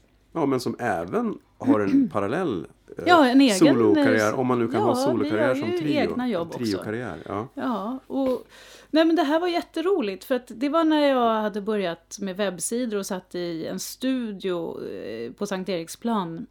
Eh, så hade jag hyrt in mig där och satt och gjorde demo, de här, de här fantastiska just det. demosarna som jag gjorde. Mm. Ångestdemos. Och, eh, och så gjorde jag dessutom hemsidor och, och då så passerade ju en massa människor förbi där och bland annat Robert Wells. Och det här var ju, det här var ju år 2001 eller någonting sånt där. Och han var ju runt på de här enormt stora Rhapsody in Rock-turnéerna som eh, drog fulla hus överallt. Och det började med att eh, teknikern Roger Krig som jobbar där på Sankt Eriksplan som driver den studion. Han eh, frågade om jag ville sjunga in lite backtracks till, de skulle ha lite förstärkta körer. För på den tiden var det dansarna som körade och med den äran på Rhapsody. Men när de dansar för fullt så går det ju inte att sjunga för fullt på samma Det blir sätt. lätt lite flåsigt. Ja. Det blir lätt det. Så då behövde de lite stödkörer och då när jag ändå satt där så var det så praktiskt att ta in mig. Och, och efteråt har jag tänkt att det där kanske var någon slags audition. Och det var tur att jag inte visste för jag gör mig väldigt eh, dåligt på auditions. Jag blir väldigt nervös och tycker sånt är jobbigt. Och så då bara ett halvår senare så ringde han och frågade om jag ville vara med för han hade tänkt att sätta ihop en kör till det här mastodontprojektet. Och jag, jag blev inte direkt jätteglad för att jag, jag hade liksom sett det där som en annan del av branschen på något vis. En, eh, som inte jag var så bekant med och jag blev lite så här, oj det där stora och det där eh, och, Ja men det var ju så, liksom det hörde till en väldigt, ehm, vad ska man säga, publik del av branschen. Jag hade ju hållit med där, då hade jag precis gjort den här artister mot nazister med, och sjöng med Thomas Di Leva och körade på hans plattor då och var liksom inne på, på en annan tripp sådär och satt med mina webbsidor. Så att, Vad är det här för glättigt menar du? Eller? folkligt! Folkligt, ja. Det, Mm. det var folkligt på ett sätt som jag inte var beredd på. Och jag hade mina fördomar, det ska jag villigt erkänna. Men när jag väl hade tackat ja eh, så drog det igång en helt otrolig liksom, cirkus. Det var ju, min första turné började i Royal Albert Hall tillsammans med, det, var en turné tillsammans med Joe Labero och, eh, och Robert Wells då. Och det tog inte många spelningar innan jag satt och var lite slirig och bara hyllade Robban för att han är ju en otrolig drivkraft och helt ärlig i sitt uppsåt. Älskar den musiken han, han spelar och eh, Ja, men det är det jag tycker är så fascinerande med honom. För att han, han har ju aldrig varit eh, opportunist. Han kämpade ju i jättemånga år med det här. Jag vet att jag gjorde någon fest någon gång när han lirade ungefär det han även lirade sen. Och då var det sådär. Och, och, och han spelar och det är så tydligt att han älskar det han gör. Och han följer verkligen devisen gör det som är roligt så funkar det. Och det funkar ju. För att han gör det för att det är roligt och, eh, och han gör det bra. Jag tycker det är, jag har stor respekt för den förmågan att inte vara spekulativ i en spekulativ bransch utan att göra det som jag tycker är bra och hoppas att alla andra tycker det också. Och till slut så kanske de gör det och det gjorde de ju. Ja, det gjorde de under en, under en period så var de ju liksom eh, hundratals tusen höll jag på att säga som, som verkligen tyckte om det här. Vi har ju varit och jag har ju fått åka runt jorden eh, också som jag aldrig hade fått göra annars. Jag menar vi har ju varit i Amerika på Kodak Theater och vi har varit Ja, I Chicago var vi också. Vi, var, vi har varit i London flera gånger på Royal Albert Hall och vi har varit i Kina. Vi har varit i Abu Dhabi och vi har varit alltså Säffle. Säffle har vi faktiskt fått vara i, men det är med hans frus förtjänst. Eh, nej men så det, vi har ju fått göra så enormt mycket grejer och han är ju som sagt, skulle han inte vara så ärlig i sitt uppsåt och sån kämpe alltså, så hade jag ju inte blivit så imponerad av honom som jag är. Jag är, är väldigt imponerad och det är väldigt kul att ha fått åka med på hans drivkraft. För det måste jag säga att den drivkraften har inte jag. Utan han, han driver ju saker, så nu senast har vi varit på Intiman med Lenny Norman och gjort en mycket mindre show. Det är ju inte de här tusentals människorna som kommer längre, men, men det är hjärtligt och det är, det är innerligt och det är mycket humor och vi har liksom formats till en liten klump som tycker väldigt mycket om att jobba tillsammans. Så det, det, det, jag är förvånad att jag fortfarande, att jag inte är pensionerad än. Som, Nej men Som sångerska. lust är väl ändå en bra drivkraft. Eh, Titta på Stones. Ja, det, det, eh, när man, jag släpade med min fru på Stones på Tele2 senast för två år sedan när de var här. Och både hon och jag visste ju undermedvetet att hon efter tre låtar kommer att tycka det är skittråkigt. Det enda som händer är att efter tre låtar så vänder hon sig till mig och säger Är han 70 bast? Fy fan vad bra! För att där har du den här, man ser lysten i ögonen mellan dem. Om man tänker, de har kört samma låtar, de har hållit på i över 50 år. De har kört samma låtar. Men titta på ögonen, titta på deras, det, det går inte att fejka. De älskar ju det de gör, de, de behöver ju inte pengarna. Och det, jag tror att det är framgång följer av lust. Alltså det, har du bara jävligt roligt så funkar det. Du, det, det. Det är till och med så att man, om man någon gång kliver förbi någon, någon musikfestival där det spelar ett band som kanske inte är det bästa man har hört. Men om de gör det med den lusten och glädjen som vissa har så gör det nästan ingenting. Ja, men jag tror precis. Jag tror lusten är jätteviktig. Och sen så, sen så tror jag också man måste eh, tänka på olika artisters... eh, vad de har för... eh, Alltså hur de påverkar oss. För att vissa artister är ju liksom inte till för att göra oss glada. Utan de är ju till för att få oss att känna andra känslor. Liksom djup och, och liksom kanske lite sorg, lite vemod. Liksom Joni Mitchell. Det, liksom, det är vemod och, och det är, man älskar att känna de där känslorna när hon drar igång. Och, och sen så är det så att alltså, vi håller på med underhållning. Robert Wells och Vocalets, det är underhållning och ibland så, så är inte det hela sanningen om, om vem jag är. Men samtidigt så är det en del av det. Ja, vi, vi ska sprida någon slags glädje. Och sen så kan man gå och se en teaterpjäs för att, för att liksom hitta någonting annat i sig själv och för att liksom kanske väcka andra delar av ens, ja vad ska man säga, Nej, men Medvetande. precis. Nämn tre deppiga låtar som Robert Wells har skrivit. Precis, och där var podden slut. Ja, Där blev det tyst i etern. då är det shout-out till Robert Wells. Skriv en riktigt, riktigt deppig blues och kom hit och spela upp den. Men han, har Mm. ju, han har gjort samarbete med textförfattare eh, nu. Eh, Han har ju skrivit en eh, hel platta till sin fru, bland annat till Maria Wells. Och då var det Camilla Läckberg som skrev låtar. Mm. Och där kan man ju säga att det är inte deppigt, men det touchar i alla fall till lite kärlekssorg och Mm. lite sådär. Och då, det, det finns ju en del eh, i det, kanske mera ett, en annan aspekt på det. Men, men det är kul att lira, det är det vi, Mm. jag tror att det är det som... Man måste ju få måste- lira som Jerry sa. Mm. Efter Faktiskt. sista. Ja, efter sista Ja, turnén så... Man måste få lira. Ja. Det- Ja, det stämmer ju. Man, man Ja, måste då, få lira. då döper vi turnén till det. Men man måste väl ändå få lira lite. Men parallellt där också. Det är så roligt för att jag upptäcker att det kommer ju ofta upp när man pratar med dig. och säger, Men parallellt med det så du... Du börjar med hemsidor. Just det, det var ju, då var ju karriären slut igen. Det var ju, jag måste ju ha något att göra. Och då så eh, gick jag en utbildning helt enkelt som heter multimediala webbsidor. Vi var eh, en flock musiker som inte hade så mycket att göra som eh, fick den utbildningen via Arbetsförmedlingen. Det här var två, år 2000 eh, och jag fick totalt tunnelseende. Det där var liksom, och så var det en regnig sommar, jag var singel, jag satt nätterna och dagarna igenom och läste engelska instruktionstexter och snöade in totalt på det där. Ja, du vet ju hur det kan vara. Wow.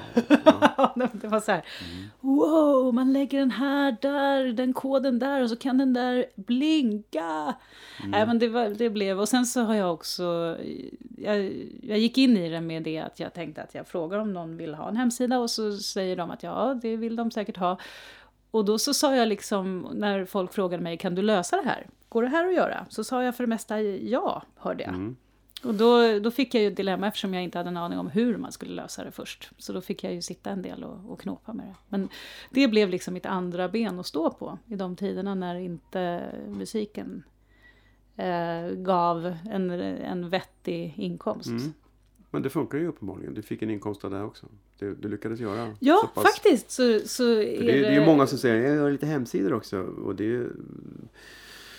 Du ska ju tjäna pengar på det. Folk ska betala för det. För nu kan man ju göra så. Alla har ju såna här one-click homepage-sajter. Mm. Och men det är jag för. Jag tycker det är toppen. Ja. Jag, jag tycker att det är... mm, Alltså, allt man kan göra själv ska man göra själv. Det är, Mm. det är de, de som inte orkar och de som inte har tid, de kommer till mig. Men det är ju för det mesta med sådana sidor de kan uppdatera själva. Eller jag bygger bara sådana. Och sen så ska jag inte göra mer reklam för mig själv. På den Jo, men gör det för all, för all del. För att jag tycker att du, du har ju en touch som är eh, en personlig touch. Som man ser på dina hemsidor ändå. Som är, inte är de här fyrkantiga business. Det finns en sorts, oftast en känsla i det som, som är lite annorlunda. Så Ja, och det, men det är just det som jag plugga- kan tillföra. Liksom. Ja, men Det är kul, tack. Ja, men jag kan tillföra det. Eh, Jag har ju faktiskt en, litet, en, en programpunkt som heter eh, Pluggen också. Eh, Åh! Som bygger på att alla har en produkt att sälja. Alla, det är aldrig någon som ställer upp på en intervju utan att ha någonting att sälja. Ah, intressant. Men vad är det du säljer nu? För jag undrar, Åh, är det hemsidorna du säljer nu eller är det, det nästa, Min nästa eh, parallell övning. verksamhet, nämligen hållbarhetsläran. Hållbarhets-Hanna. Ja. Alltså så här var det, att jag... eh, Det är ju det här med när man får barn, jag vet inte hur alla andra känner när de får barn, man börjar tänka så här... Jag började tänka, finns det en framtid för de här små telningarna nu som man älskar så mycket? Och då blir det på något vis att jag... Eller det blev så att jag började ägna mig åt att, läsa katastrofböcker. nej, men, nej men lite grann Mark Linnas, eh, de här olika antalet grader, hur, hur varmt det kommer bli på jorden. Och sen så precis när min, yngst, min äldsta son var ett och ett halvt så gick jag och såg den här Al Gore, en eh, obekväm sanning som handlar om klimatförändringarna. Och jag bröt totalt ihop och tänkte att det är kört. Vi, vi kommer att gå en plågsam död alldeles för tidigt till mötes och hungra ihjäl och sådär. Och sen så förträngde jag det där i flera år. För att jag tyckte att eh, det går ju jättebra att leva utan att tänka på det där.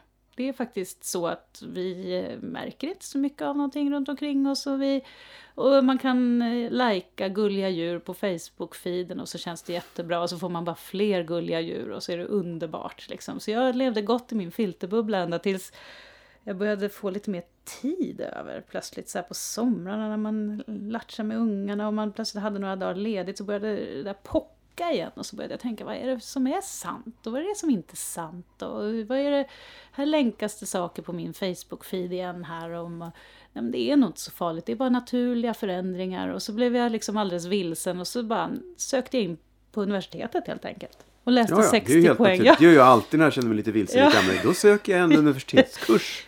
Källan, Mm. vetenskapen. Vad, är, Nu vad går vi till säger- botten med Nu detta, går vi till botten. Mm. Nu gör vi det här drastiskt och går in i väggen nästan genom att plugga heltid Mm. Också. Ja. Så då gjorde jag det i 60 poäng. Det är ju bara ett helår. Men det Samtidigt som du sjunger med Robert Wells. Ja, och samtidigt gör som jag gör lite webbsidor. och har familj. familj. Ja, Det är fantastiskt. ja, det, Ja. det kan man säga nu när jag ändå sitter här i efterhand. Ja. Det, var, det var lite mycket. Och sådär. Jag försökte köra med mantrat, det räcker med godkänt, det räcker med godkänt. Men det är svårt när man är inne i det. Eh, det jag, jag kan säga att det var härligt att komma till universitetet. För det var inte alarmistiskt på något sätt. Utan det var liksom, så här säger forskningen och så här. De presenterade en massa fakta och sen är det upp till mig om jag vill bli alarmistisk eller inte. Mm. Och det var första stället jag hamnade på där folk plötsligt sa jag vet inte. Och då är inte folk utan det är lärarna. Man kunde ställa en fråga och kunde de inte svaret så sa de jag vet inte. Vilket jag liksom tycker att alla eh, alltså, förväntas att svara på saker och politiker och alla ska kunna svaret även om de inte kan det. Så snickrar ihop, de ihop någon undanglidande halvsanning och så, som skulle kunna gälla ungefär. Men det gör inte eh, folk som försöker att redovisa eh, liksom, vetenskapliga resultat. Så för mig var det som att hamna i, i trygghet fast man inte fick reda på särskilt bra saker alltid. Så var det ändå tryggt för det kändes stadigt att ja men det där vet vi inte riktigt än. Men det där kan vi säga att vi vet och, då, och det bör vi agera utifrån. Men Det blev du lugnad eller blev du mer orolig? jag blev mer eh, kon- det blev konkret och då blev jag inte... Jag tror att min värsta oro är för sånt jag inte vet. Mm. När jag känner till vad jag ska vara orolig för så är det mycket en lugnare oro. Och då blev det också självklart för mig att försöka jobba för någonting bra. Alltså, och det handlar inte om att jag ska ställa mig på barrikaderna och, och, och liksom skrika åt folk och sluta och flyga långa flygresor. Utan det handlar om att, att försöka liksom på mitt sätt förmedla vad jag har lärt mig. Mm. Så kan jag säga. Mm. Så på, Mm. på ett sätt, min, mitt första föredrag ska jag hålla för förskolechefer. Där har vi en koppling till vår första punkt. Till vår första... Ja, du ser! Förskollärarinneförbundet. Precis, återigen. Oh, vilken Cirkeln är sluten. Oj, oj, oj. Du Ja, ser. nej, men det här är ju fantastiskt Ja. David. Tänk, det har jag inte ens tänkt på. Mm. Det, nej, men, Ingenting händer av en slump. nej, men du ser. Mm. Det, fast, nej, men där i alla fall så kan jag säga att eh, det, det finns liksom tre eh, ehm, vad ska man säga, områden i samhället där jag tycker att man bör påverka eh, som mest. Och det är inom företagsledningar och eh, politiker och, eh, och att ge barnen bra värderingar på att eh, ta hand om vår jord och varandra. För det är ju inte bara, det handlar inte bara om hållbarhet, eh, att, alltså ekologisk hållbarhet eh, med artutrotning, utan det har ju med hur vi behandlar varandra, social hållbarhet och också ekonomisk hållbarhet. Hur får vi liksom alla de tre systemen att höra ihop? Ja, för vi kan nog utrota varandra oavsett miljön tror jag. Om vi lägger manken till. Absolut, har man inte med den med sociala Ja. och kulturella hållbarheten eh, så eh, är det inte mycket värt på andra Men hur sätt. känner du för... Eh, man har ju sitt lilla, sin lilla åsiktsbubbla man sitter i. Men jag, jag försöker att inte ta bort allt för många Facebook-kompisar bara för att de inte håller med mig eller för att de har obekväma åsikter. Jag har, där ser jag då till exempel, jag har sett ganska nyligen ett exempel på på någon som hävdar att Al Gore hade helt fel. Det har ju visat sig att det stämmer ju ingenting med hans film. Känner du? Vad känner du om det? Vad säger du till, till Ja, hen? det, jag kan säga till eh, dig som lyssnar. Nej, men jag kan säga att eh, han redovisade vad vetenskapen hade kommit fram till då.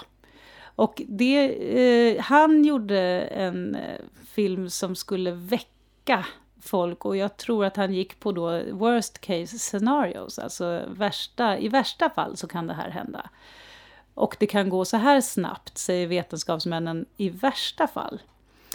Eh, han har fortfarande inte fel i sak. Alltså med en ökad eh, temperatur så, nu ska inte jag gå in på det här för mycket, men eh, då är det så att isar smälter, havsytor stiger och eh, det är med all sannolikhet så att också ju mer kallt vatten det strömmar från Grönland så kommer Golfströmmen att vända tidigare kanske, vilket gör det kallare för oss här uppe och så. Det är lite sådana här små scenarier som är helt, alltså, um, de är sannolika.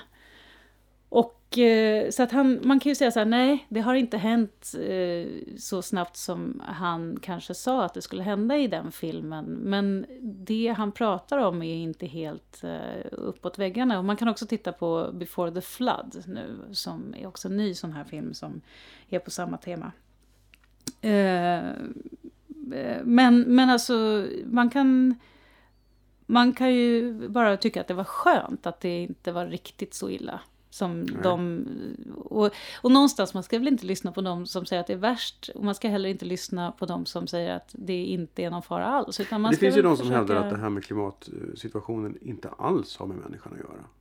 Ja, de, har, de har numera, kan man säga, fel. Mm. Det kan man, så långt kan man gå. Ja, Man alltså, kan säga att eller man kan säga så här att eh, because it's science, 98 bitch. procent av vetenskapsmännen de säger att det är människan som har påkallat det, eller påkallat, orsakat eh, den stigande koldioxidhalten i atmosfären, vilket i sin, till, i sin tur ger de här eh, eh, återverkningarna i form av höjd temperatur. Och de, är, de här forskarna är till 90% säkra. Så också. Så det är, det är en så pass ökad säkerhet. Och jag kunde känna också bara under tiden jag gick på universitetet så ökade säkerheten kring det här. Bara under de, under de senaste åren så minskade tvivlet. Men alltså alla är ju välkomna att bli forskare och eh, bevisa motsatsen. Det är det som är så härligt med forskning, att det är inget som är skrivet i sten, utan det här är människor som ägnar sina liv åt klimatologi och de är inga, de är inga såna här som vi kanske är mera, eller i alla fall vi som står på scen tänker jag, vi, vi tycker ju om att synas på ett eller annat sätt, men det, klimatforskarna som grupp har jag hört ryktesvis, tycker inte riktigt om att slå på stora trumman. Det här är någonting som eh, de är, har blivit tvungna att göra. De vill helst sitta med sina instrument och fippla. De vill inte hålla på och bli så här offentliga som de har Nej, varit men det bli. behöver inte vara så.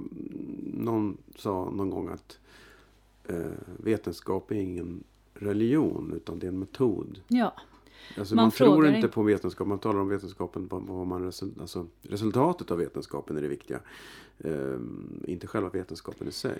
alltså en vetenskap kan aldrig säga om någonting är snyggt. Utan Nej. det är hur funkar det? det är, frågan är hur i vetenskap. Mm, Det handlar inte om eh, värderingar på det sättet. Utan vi har instrument som vä- mäter, mäter det ena eller andra. Och säger det ena eller andra. Och, vi, och sen så är det öppet för motbevis hela tiden. Så att, eh, och det är det bästa vi har. Det, är- det är det.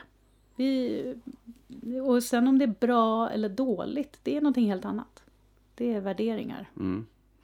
Det är upp till lyssnaren att värdera. Men jag, ja, jag tycker det är, jag är på din linje där. att um, Vi får nog anpassa oss även om jag tycker om att äta kött sju dagar i veckan. Men eh, okej, vi, vi Ja. ja. Nej men alltså det där, jag, jag som sagt, jag jag gått in på, jag är ju jätte, såklart eh, jätteengagerad i det här egentligen. Men, men det är också, det är så mycket mm, röda skynken kring det här just nu kan jag känna. Så att det här är ju ingenting jag pratar med, med liksom mina vänner om så mycket heller. Utan det är mer de som söker kunskapen hos mig kan få det. Alltså de, det är som de här, den här förskolan, den här koncernen. De sökte sig till mig som hållbarhetskonsult och hur kan vi öka vår medvetenhet, hur kan vi göra? Och då när frågan finns, då, då kan jag verkligen finnas där och säga, men jag, jag tänker inte gå ut och, och prata med folk som, som är, har en annan agenda i första hand. Det är mycket märkligt tycker jag att, att vetenskap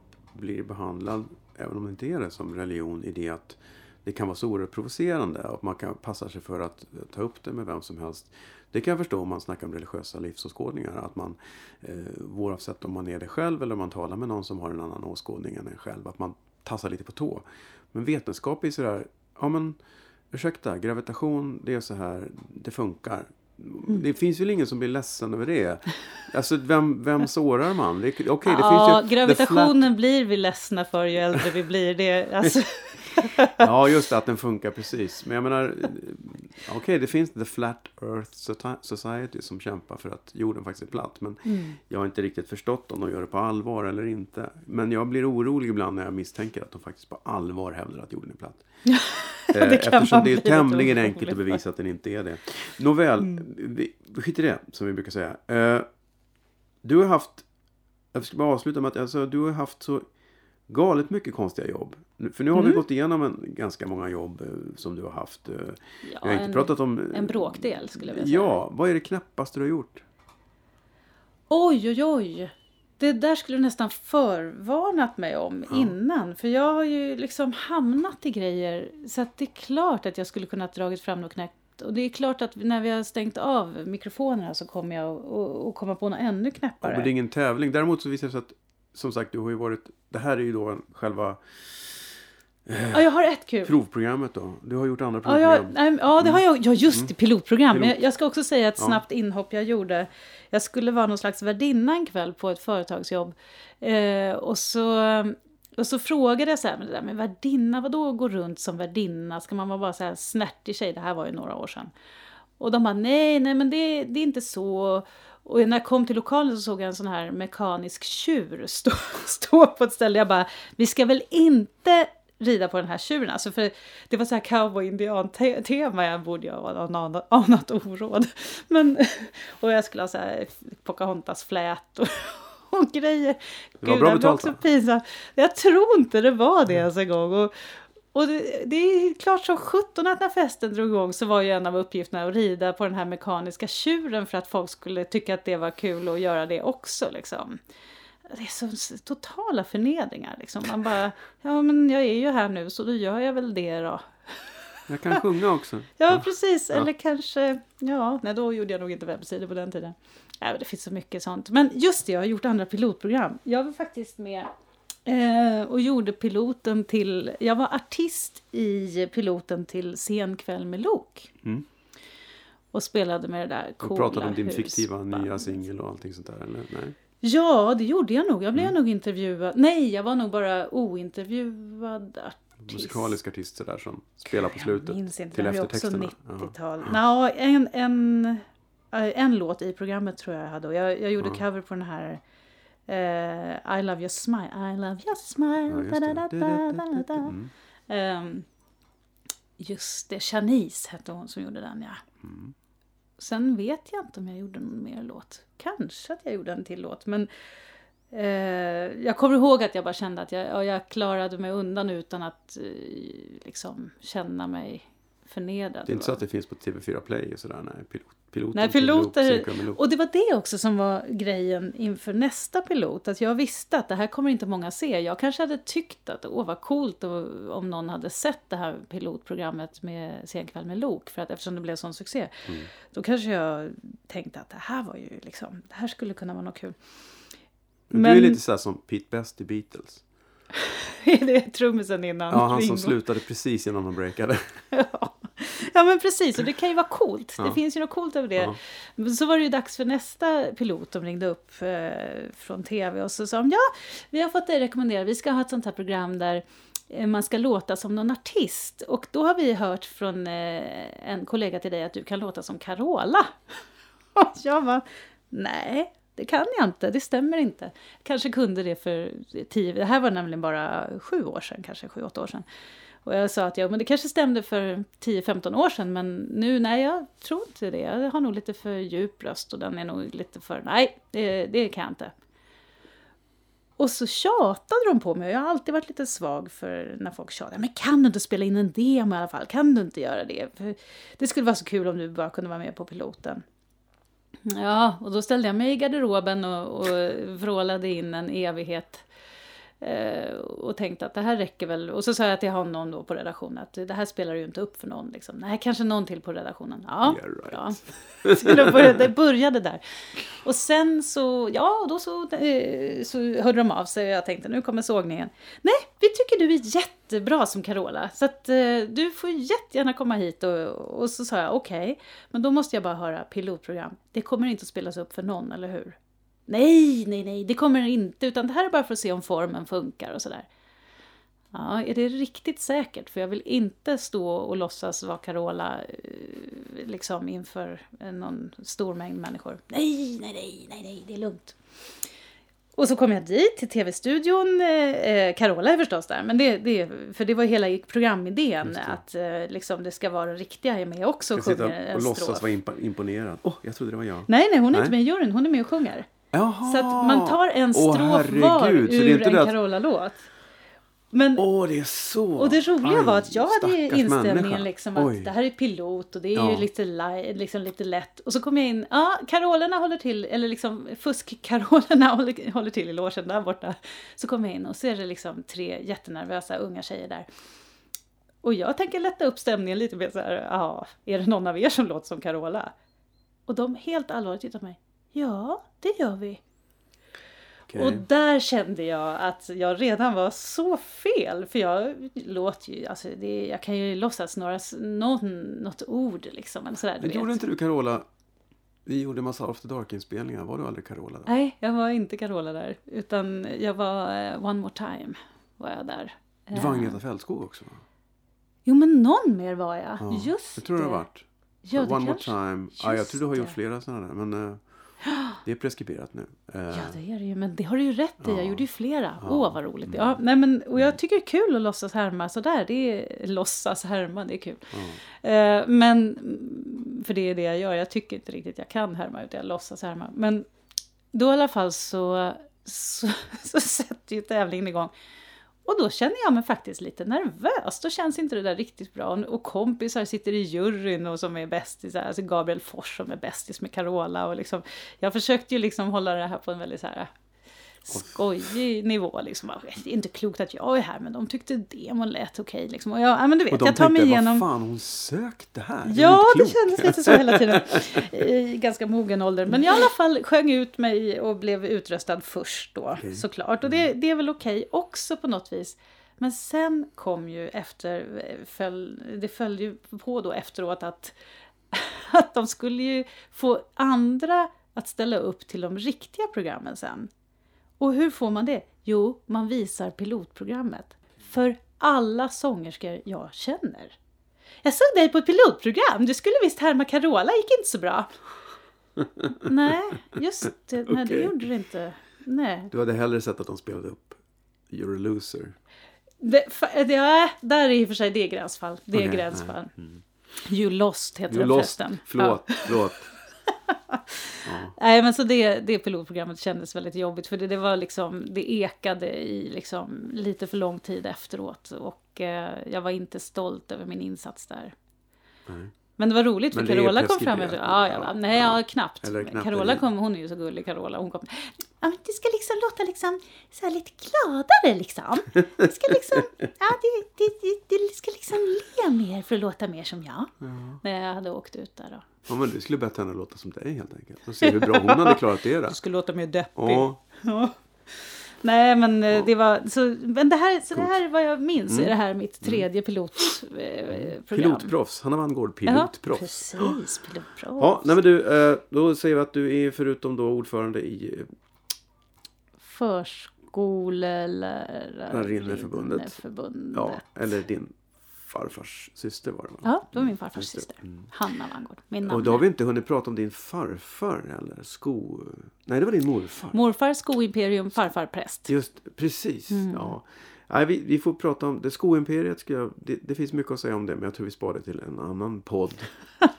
Skoimperiepodden. Mm. Snyggt. ja, eh, har du något vi tillägga? Har vi glömt något? Har vi missat något förutom skorna?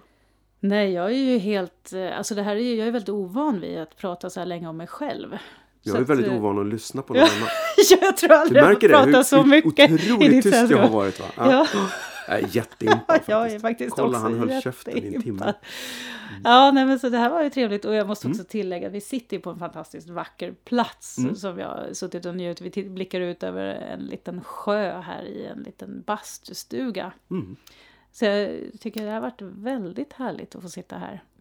Att själva podden heter Bastusnack är ju en liten hint att man befinner sig i bastu. Precis, och jag är glad att vi inte sitter i den uppvärmda delen av den. Utan att vi sitter i Ja. den lilla Ja, det finns tid för det också. förgemaket. Ja, finns tid för det också. Kanske Ja. inte nu, men ehm, tack för din eh, pilotmedverkan. Åh, Väl styrt. tack för Ja. att jag fick komma. Sådär ja.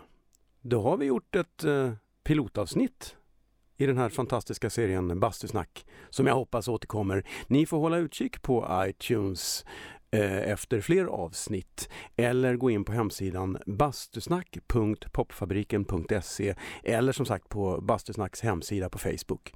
Maila gärna eh, synpunkter, frågor, kritik och helst hyllningsord på bastusnack.popfabriken.se. Väl mött snart hoppas jag. Eh, Jag har en del sköna, roliga gäster i min adressbok. Vi hörs, hej då!